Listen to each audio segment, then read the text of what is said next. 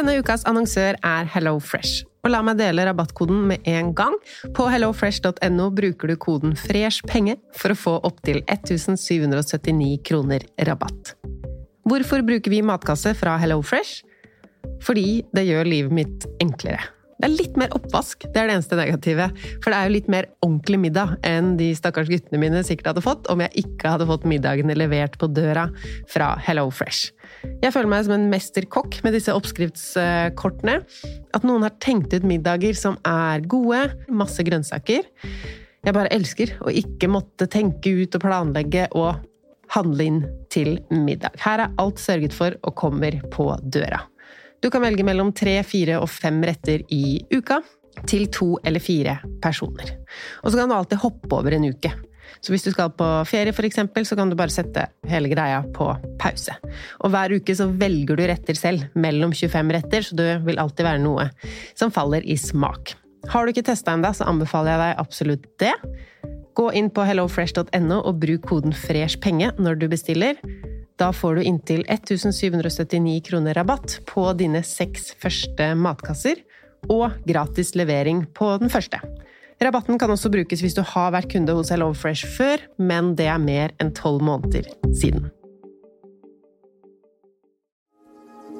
Elin, du er foreleser på BIs videreutdanning. Hvor kommer motivasjon på jobben fra? En viktig kilde til motivasjon på jobben ligger i å mestre arbeidsoppgavene og utfordringene man står overfor. Den mestringsfølelsen opplever du i møte med forelesere og medstudenter i klasserommet på BI. Lær mer på bi.no muligheter. Velkommen til Kjemperådet! Hey! Vi har fått inn et kjempenytt problem fra en mor. Jeg leser. Yes. Hei, jeg har en datter på 11 år som vurderer å slutte med orientering. Hun elsker jo å løpe, men finner aldri veien. Og jeg må sitte så lenge i bilen og vente. tricky. Yes, ja, ja men ja, dette her har jeg opplevd selv, faktisk. Og løsningen for meg ble da Maps på mobilen. Ja, hun er jo under 13 år. Da får hun 5 gigabyte data for bare 149 kroner med Telenor. Oi. Hun bør jo sjekke ut nye mobilabonnement på telenor.no, da. Yes!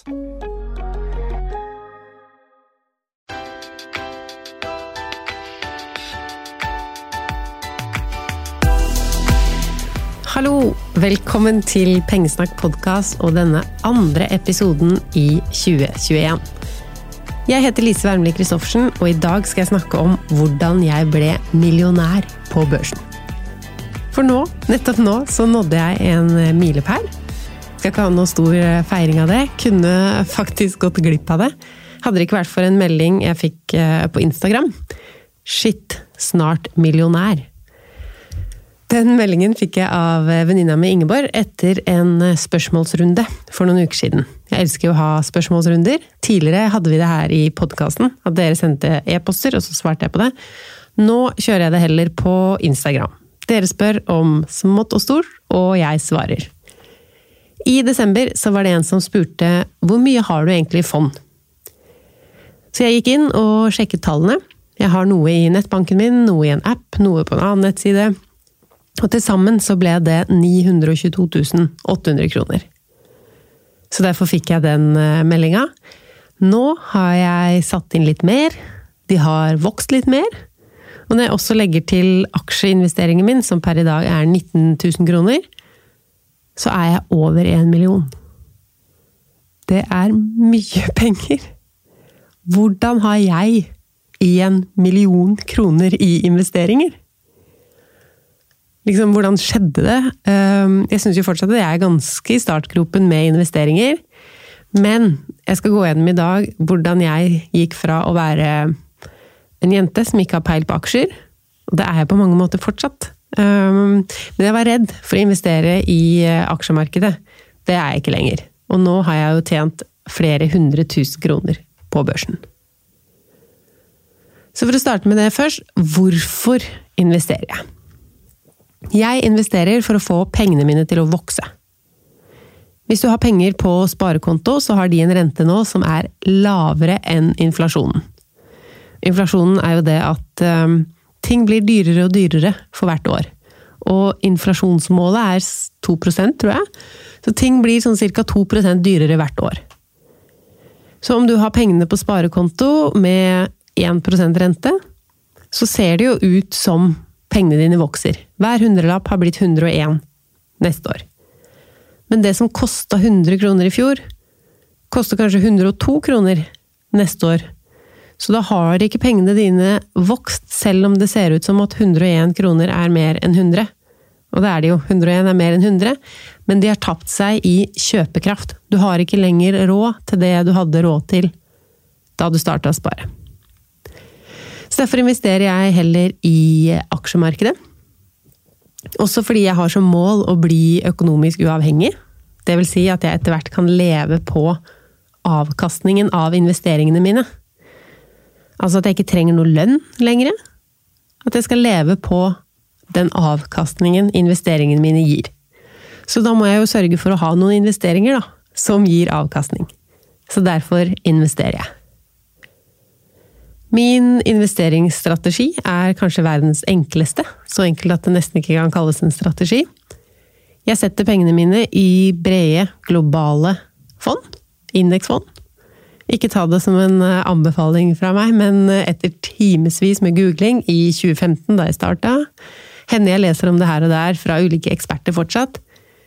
Globale indeksfond er både billigst og best, ifølge veldig, veldig mange. Det er litt for kjedelig for noen, litt for lav risiko for noen, men det er 100% aksjer i disse fondene, så det er helt klart risiko inne i bildet her. Den risikoen gjør jeg så liten som mulig ved å ha lang horisont. Hadde jeg trengt pengene mine i morgen, så hadde jeg ikke hatt dem i aksjefond. Men de kan bare stå der lenge. Jeg gjør også risikoen mindre ved å investere i disse store globale fondene. Jeg er ikke avhengig av at um, alt innen Norge går spesielt bra, for jeg har jo også fond i Japan, USA, altså det er spredd. Både geografisk, men også på bransjer. Altså jeg satser ikke alt på fiske eller alt på vindenergi. Det er spredt. Så investeringene mine er over 90% sånne globale indeksfond. Så har jeg vel 1% kanskje 2% nå, enkeltaksjer. Og resten er eh, crowdfunding. Det skal vi snakke om i neste uke. Um, for deg som vil vite mer om det. Da investerer du i bedrifters egenkapital istedenfor å investere i bedrifters um, avkastning, eller uh, om de går bedre enn forventa. Som sagt, vi skal snakke om det neste uke. Men hva har jeg gjort med disse aksjeinvesteringene mine? Hvordan har jeg fått det til? Min aller første investering det skjedde omtrent samtidig med at jeg kjøpte domenet pengesnakk.no og startet å skrive om penger. Da hadde jeg googla nettet rundt og fant ut at jeg kan ikke være så feig lenger at jeg ikke tør å investere. For følelsen inni meg sa heller at jeg ville betale ned studielånet mitt, for det føltes trygt og godt, men jeg så flere og flere kurver og grafiske fremstillinger av hvordan aksjemarkedet ser ut, og hvordan man får pengene sine til å vokse på børsen. Så i april 2015 satte jeg inn 14 162 kroner i aksjefond i nettbanken min. Jeg greier ikke helt nå å skjønne hvorfor det var det beløpet. Det var liksom veldig eh, Eller om jeg satte inn noe tidligere i måneden og så noe Men Egentlig så er det et fint poeng at jeg satte inn 14.162, for det må ikke være 100 000. Det må ikke være 15 000 engang. Det må ikke være 1000. Det kan være 132 kroner du sparte ved å kjøpe buksa du ønska deg på januarsalg istedenfor før jul, eller Små beløp i aksjefond blir mye til slutt. For eksempel én million etter fem og et halvt år. Så jeg kan så klart ikke love deg den avkastningen jeg har hatt. Jeg forteller bare om hva jeg har gjort fra 2015 til 2020, eh, starten av 2021. Ikke hva som kommer til å skje de neste fem åra. Det har jeg ingen forutsetninger for å si noe om.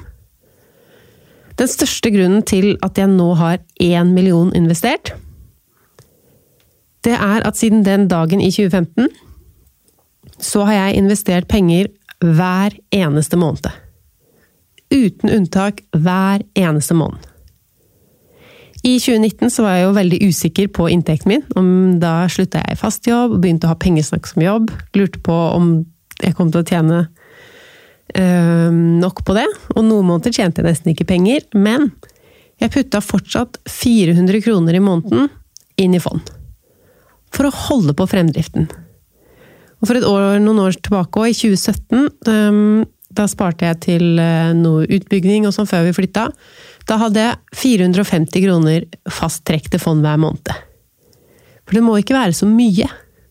Altså Så klart er det bra om det også er enkelte måneder eller alle måneder at du investerer mye, men at det er noe hver måned, vil jeg trekke fram som viktig. Og det har med verdien av småpenger å gjøre igjen. Hvis det faste trekket mitt er 450 kroner, da, så tenker ikke jeg at det å sette inn en ekstra 200-lapp på en fredag er lite. Det er med på å senke lista over hva du syns er vits å sette inn. De fleste fond, i hvert fall de jeg har vært borti, har en nedre grense på 100 eller 300 kroner.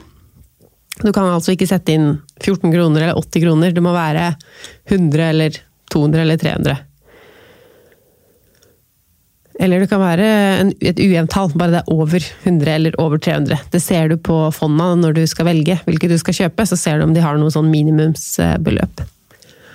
Og for at alle de beløpene jeg har satt inn skulle bli én million til sammen Ja, la meg ta det først, da. Jeg har ikke satt inn én million kroner.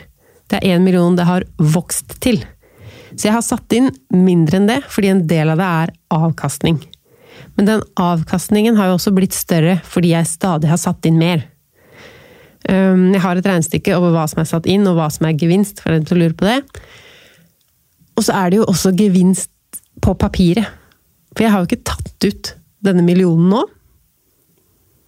Så det som ser ut som én million i dag, det kan være 200 000 i morgen. Eller 1,1. Akkurat nå er det én million.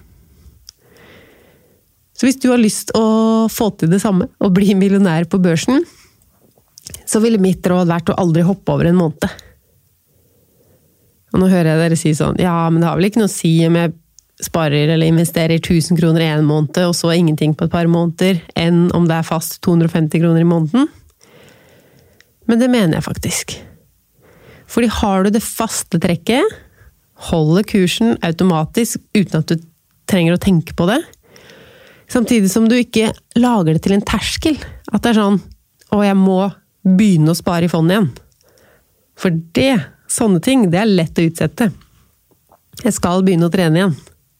Jeg skal slutte å spise godteri. Jeg skal bli flinkere til et eller annet. Men å få starta opp med aksjefond igjen Altså Hvis du aldri har slutta, så er det ikke noe å starte med igjen. Så ha et lite fast trekk også i perioder med mindre overskudd. Hvis du er opptatt av å få deg en formue på børsen, da. Det er ikke for alle. Eller altså Det er for alle. det er for alle. Du kan investere i dag, men det er ikke sånn at du må.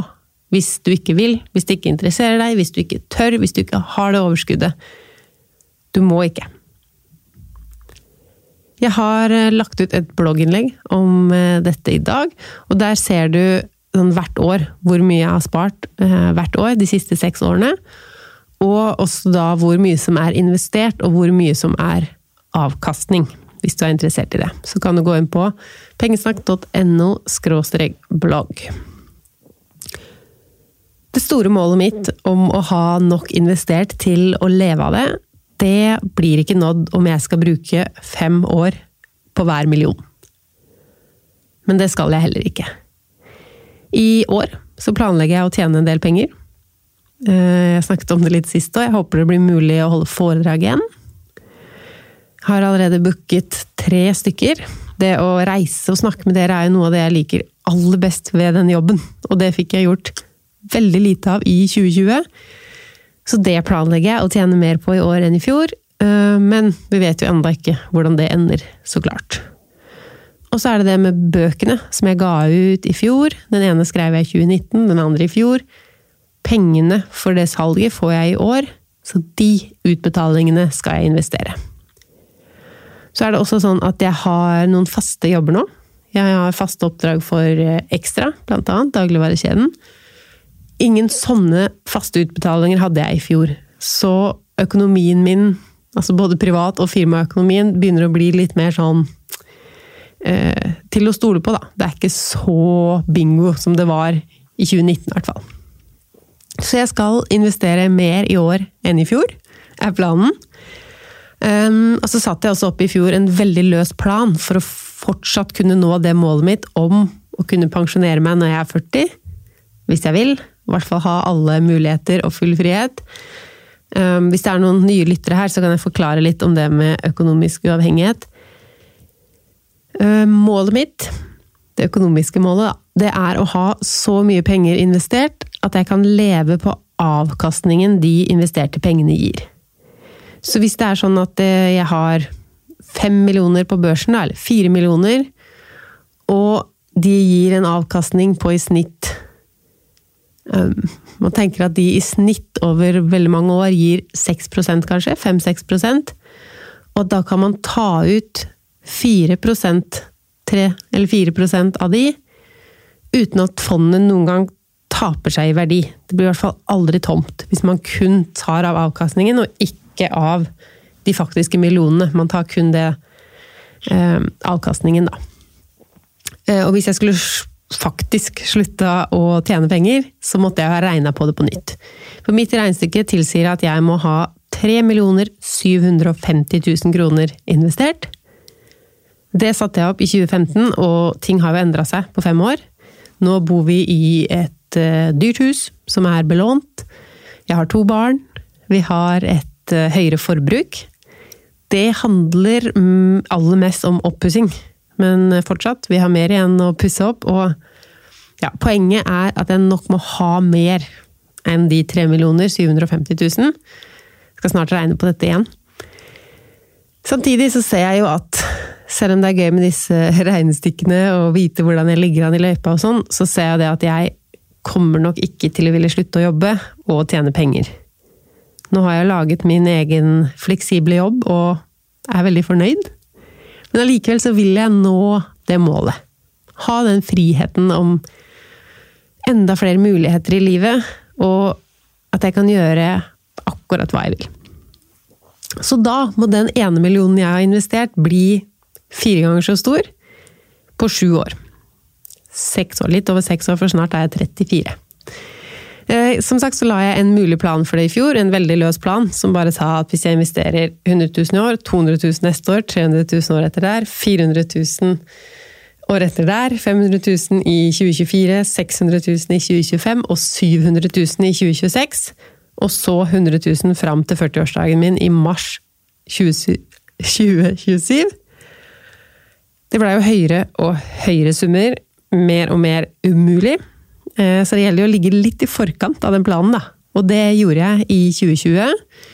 Mest fordi jeg gikk litt ned på hvor stor bufferen min trenger å være. Jeg hadde jo en veldig stor buffer i 2019, siden jeg var så usikker både på eh, bedriften min og på det dyre huset mitt, at jeg ville ha en megastor buffer. Nå ser jeg at jeg trenger ikke å ha flere hundre tusen på buffer, så derfor tok jeg 100 000 kroner fra det store sikkerhetsnettet mitt um, og investerte dem. Så derfor investerte jeg ganske bra i fjor.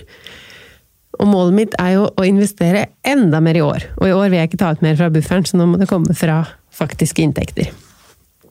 Um, denne episoden her heter jo 'Hvordan jeg ble millionær på børsen' og 'Renters rente'. Den kunne egentlig bare ha hett 'Hvordan jeg ble millionær på børsen', for noe av svaret på det spørsmålet er renters rente. Så la meg prøve en forklaring på det, for det høres jo um, kanskje både kjedelig og rart ut. Renters rente. Det er en helt fantastisk effekt. Det blir enklere og enklere å få um, investeringene til å bli en større sum med årene.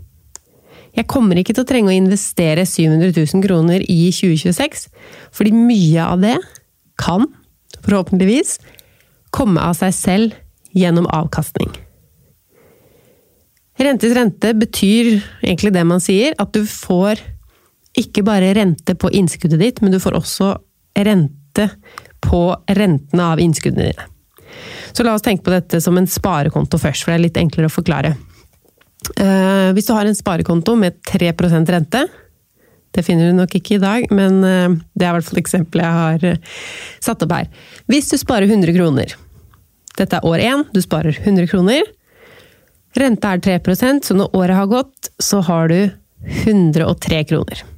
Det er altså den hundrelappen du satt inn, og de tre kronene du har fått i renter. Neste år setter du kanskje inn 200 kroner. Og når året er omme, så har jo du fått eh, rente på den 200-lappen òg, så det blir til 206 kroner. Og så står jo de 103 kronene fra første år der. Og nå, etter andre år, så får du tre kroner i rente for den 100-lappen igjen. For nå har den jo stått der to år. Første året fikk du tre kroner for den, og andre året får du tre kroner for den. Men du får også 3% rente på de tre kronene som var avkastning, eller renter, fra første år. Jeg håper du følger meg, for nå blir det verre. Tredje året setter du inn 300 kroner, for eksempel. Og når året er omme, så har de blitt til 309 kroner. For det er jo tre kroner per hundrelapp her. 300 lapper blir 9 kroner, så da er de 300 blitt til 309. Så da har du de 309 pluss de 206 pluss de 103. Og så pluss 3% av de 200 for da tredje år. Og 3% av de 6 kronene for tredje år. Og så 3% av den hundrelappen for både andre år og tredje år. Og 3% av de tre kronene to ganger. Så du må ikke sette inn mer og mer for å få en rentes renteeffekt. Hvis du bare satte inn de 100 kronene, da, så har vi første år 103, andre år 106,09, og det er dette bak komma som er renters rente. Tredje år vil du ha 109,272. Fjerde år har det vokst til 112,55. Så det går jo ikke kjempefort. Etter fire år så har den hundrelappen i, fått 12 kroner i renter og 55 øre i rentesrente. Men se her. Hvis vi går tilbake til børsen. Oslo Børs har de siste årene gitt i snitt 10% avkastning. Det er mye høyere enn man kan regne med. Eh, noen år har vært dårligere enn det òg, men la oss si da at den millionen min neste år kaster av seg 10% Og da kan jeg også si, når det gjelder fond, så er det jo ikke faktisk um, en rentes rente vi ser på. Fordi vi veit jo ikke hva renten er, og det er jo ikke sånn at vi får utbetalt en rente som da kan forrente seg. Dette er jo hele tiden avkastning og svingninger. Det svinger. Eh, og jo mer du har, jo mer vokser det i verdi når du øker en prosentsats. Ok, jeg merker at eh, det er ikke rart at dette er komplisert, det er litt vanskelig å forklare.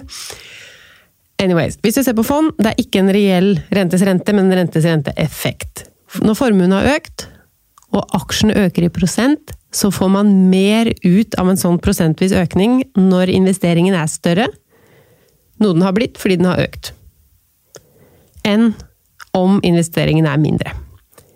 For hvis jeg har én million, da, og du har 10 000, og så eh, vokser børsen med 6% så får jo jeg mye mer igjen for det enn du som hadde mindre å ta de 6 av. Ja. Så uten at jeg, hvis jeg ikke putter inn noe mer, og det er 10% avkastning på børsen, da vokser den millionen 100 000 kroner uten at jeg putter inn noe mer. Og hvis jeg ikke putter inn noe mer neste året heller, men at det fortsatt er 10% økning der, så kaster den millionen av seg 100 000 kroner igjen. Men de 100 000 kaster også av seg 10% Eller du får også 10% avkastning på de 100 000 fra året før. Så det er jo 10 000 til. Penger jeg bare får for å være investert.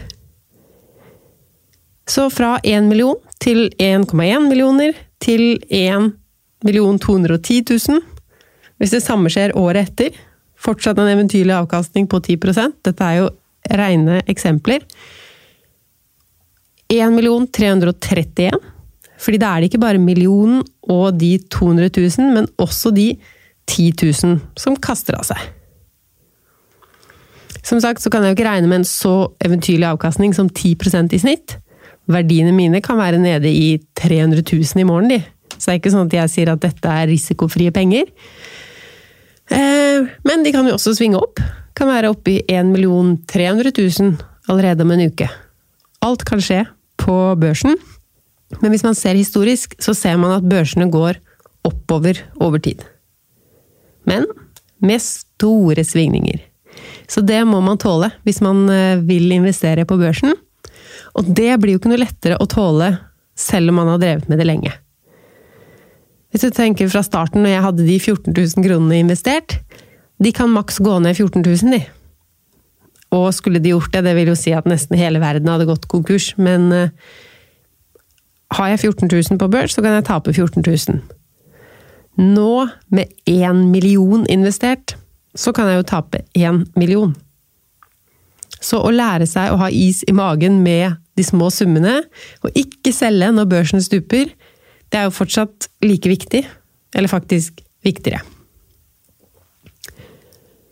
Jeg kunne jo ha omdisponert formuen. Oi, det hørtes veldig eh, Hva heter det? Det høres som jeg er veldig rik ut nå når jeg sier at jeg kunne ha omdisponert formuen. Det jeg skulle si eh, innledningsvis, var at jeg kunne jo ha tatt pengene mine fra fond ut og betalt ned boliglånet. Og så hadde denne episoden hett Slik har jeg null kroner investert. Eller jeg kunne ha lånt opp mer på huset, eller tatt ut mer fra bufferkonto og sagt at denne episoden heter Slik har jeg to millioner i fond. Eh, så det er jo litt Altså at det akkurat er én million nå, er um, Hvordan skal jeg si det? Det er um, Det er jo litt tilfeldig. Eller det er jo ikke sånn at det er all, alle pengene jeg har, og jeg har jo fortsatt lån, så jeg har jo ikke en enorm formue hvis jeg trekker fra lånet mitt, men jeg har akkurat én million i fond akkurat nå. Um, så derfor vil jeg snakke om det. Jeg ante ikke at jeg kom til å være her, altså med én million investert på børsen, da jeg starta å investere i 2015. Og det betyr jo da at mange flere kan og kunne ha gjort det samme. Så hvis jeg var meg for ti um, år siden, eller 15 år siden og hadde, liksom, Hva skulle jeg fortalt meg selv da? Det har jeg tenkt. Liksom, hva jeg angrer på når jeg vokste opp. Jeg var jo veldig sparsom. Jeg begynte tidlig å spare til hus. Um, veldig opptatt av å betale ned på gjelda mi. Veldig lite risikovillig, og det tok veldig lang tid før jeg skjønte at børsinvesteringer var for meg. At det i det hele tatt var mulig for meg. Så hvis jeg skulle sagt noe til meg, unge meg, så ville jeg sagt ikke vent fem eller ti år med å starte nå. Prøv å tjuvstarte litt. Putt inn en hundrelapp eller 400 kroner i måneden, og så lærer du mens du går. Les litt rundt omkring om det. Snakk med folk. Kanskje du kjenner noen som investerer allerede. Kanskje banken din kan lære deg noe, eller at de har gode nettsider hvor du får se og finne ut hvilken risiko du er komfortabel med. Det er jo ikke så farlig å ta høyere risiko med små beløp, tenker jeg da. Så går det an å teste litt.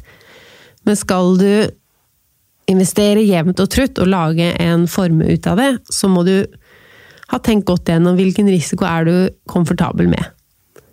Ikke la sånne følelser og tankene om å bli fort rik gjøre at du tar for stor risiko, og så angrer etterpå. Det, man hører jo alltid sånne historier om folk som har blitt veldig rike på kryptovaluta, eller andre typer valutainvesteringer òg, for, øh, for, den del. Jeg er ikke komfortabel med å investere i sånne ting. Jeg kan ikke nok om det, og jeg føler at usikkerheten og risikoen er for stor.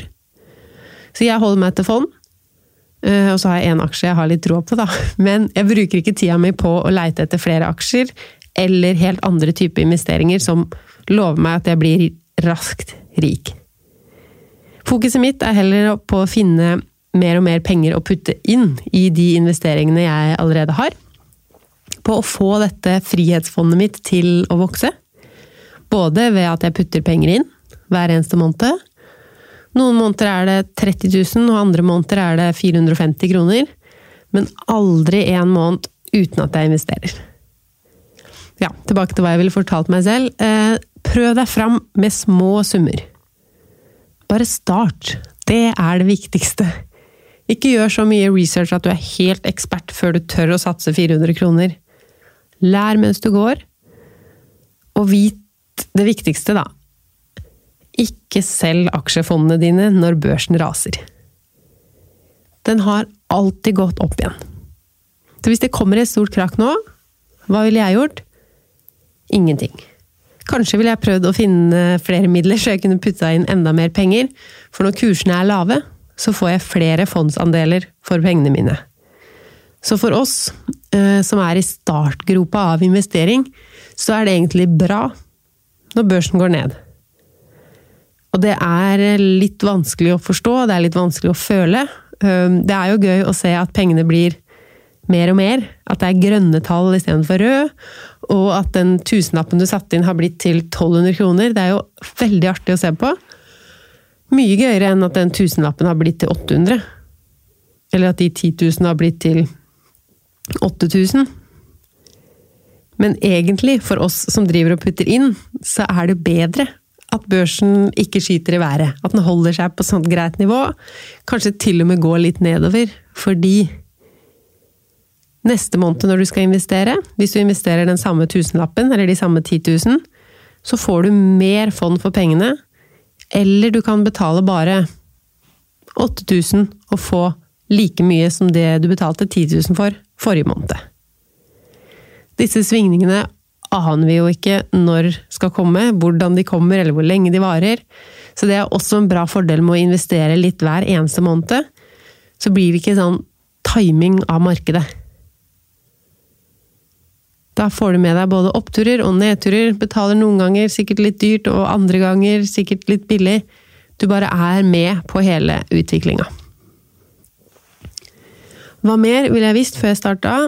Um, kanskje enda mer om hvordan investeringene etter hvert vokser av seg selv. Eller, jeg visste at det skjedde, det var det som fikk meg til å hive meg på. Den følelsen av at jeg tapte jo penger ved å ikke være med at renters rente er en så fantastisk kraft. Hvis du googler rentes rente, eller går inn på pengesnakk.no blogg, så har jeg en graf der som viser hvordan rentes rente nesten ikke har noe å si i starten. Det var de, to, de små tallene bak komma som jeg hadde i eksempelet. Men når tida går, så er dette en eksponentiell vekst. Vanskelig ord. Eksponentiell. Men du ser det så tydelig på kurven, um, så derfor jeg ber deg gå inn på internett og se. Det betyr at du blir rikere og rikere når tida går. Tiden er din bestevenn når det gjelder kjedelige investeringer som de jeg driver med. Eller, jeg syns ikke det er kjedelig, da, men i hvert fall ikke når jeg ser hvordan uh, veksten bare skyter fart etter hvert. Yes. Um, det ble høye tall her i dag. Noen ganger så sitter jeg og prater om små summer, og hvordan det er det som blir til mye. Og det er egentlig det dette handler om også. Eh, men én million på børsen, det er i hvert fall ut fra mine Det er mye. Det er høye tall. For å oppsummere. Jeg investerer hver eneste måned, og nå jobber rentes renteeffekten sammen med meg om å øke verdien på sparepengene mine. Det var mye enklere enn jeg trodde før jeg starta. Igjen, jeg har vært heldig med hvilke år jeg har investert. Jeg kan ikke si til deg gjør det samme, og kanskje det er du som om fem år har en million investert. Eller det kan jeg si. Kanskje er det du som om fem år har en million investert, om du starter nå. Takk for i dag. Eh, hvis du liker å høre på Pengesnakk-podkast, så vil jeg veldig gjerne at du legger igjen en eh, hva heter det, review, eller noen sånne stjerner, sånn at andre også kan finne fram til Pengesnakk. Det hadde jeg satt pris på nå som podkasten har vært borte så lenge. Det har jo vært 12-13 uker uten podkast. Eh, så trenger jeg litt hjelp av deg til å få spredd ordet om at podkasten er tilbake. Så enten fortell det til en venn, søster eller andre som er opptatt av penger.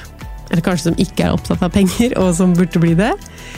Eller som sagt, legg igjen stjerner og anbefalinger i podkastappen. Hvis du lurer på noe om det jeg har snakka om i dag, eller noe helt annet, så er du velkommen til å sende meg en e-post. Lise at pengesnakk.no. Takk skal du ha for at du hører på. Vi høres igjen neste mandag.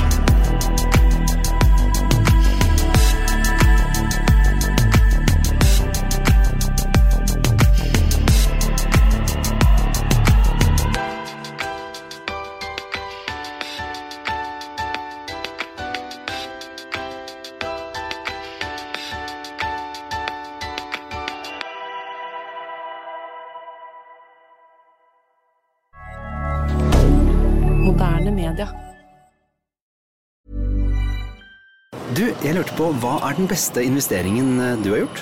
Jeg tror det må være at jeg har kjøpt min egen leilighet. Jeg har kjøpt noe kryptovaluta og håper jo at det vil være en god investering på sikt. Du, det må faktisk helt klart være utdanninga mi fra BI. Jeg har fått en kompetanse og noen verktøy som virkelig er nyttig for meg i alt jeg gjør på jobb. En god investering handler ikke bare om økonomisk gevinst, men også hva du gjør for å gi deg selv et enda bedre utgangspunkt. Utdanning er nemlig en av de største investeringene du kan gjøre for fremtiden din. På BI møter du kunnskapen og nettverket du trenger for å oppnå det du vil. Gå inn på bi.no for å finne kurs og programmer som tar deg videre. BI make it your business.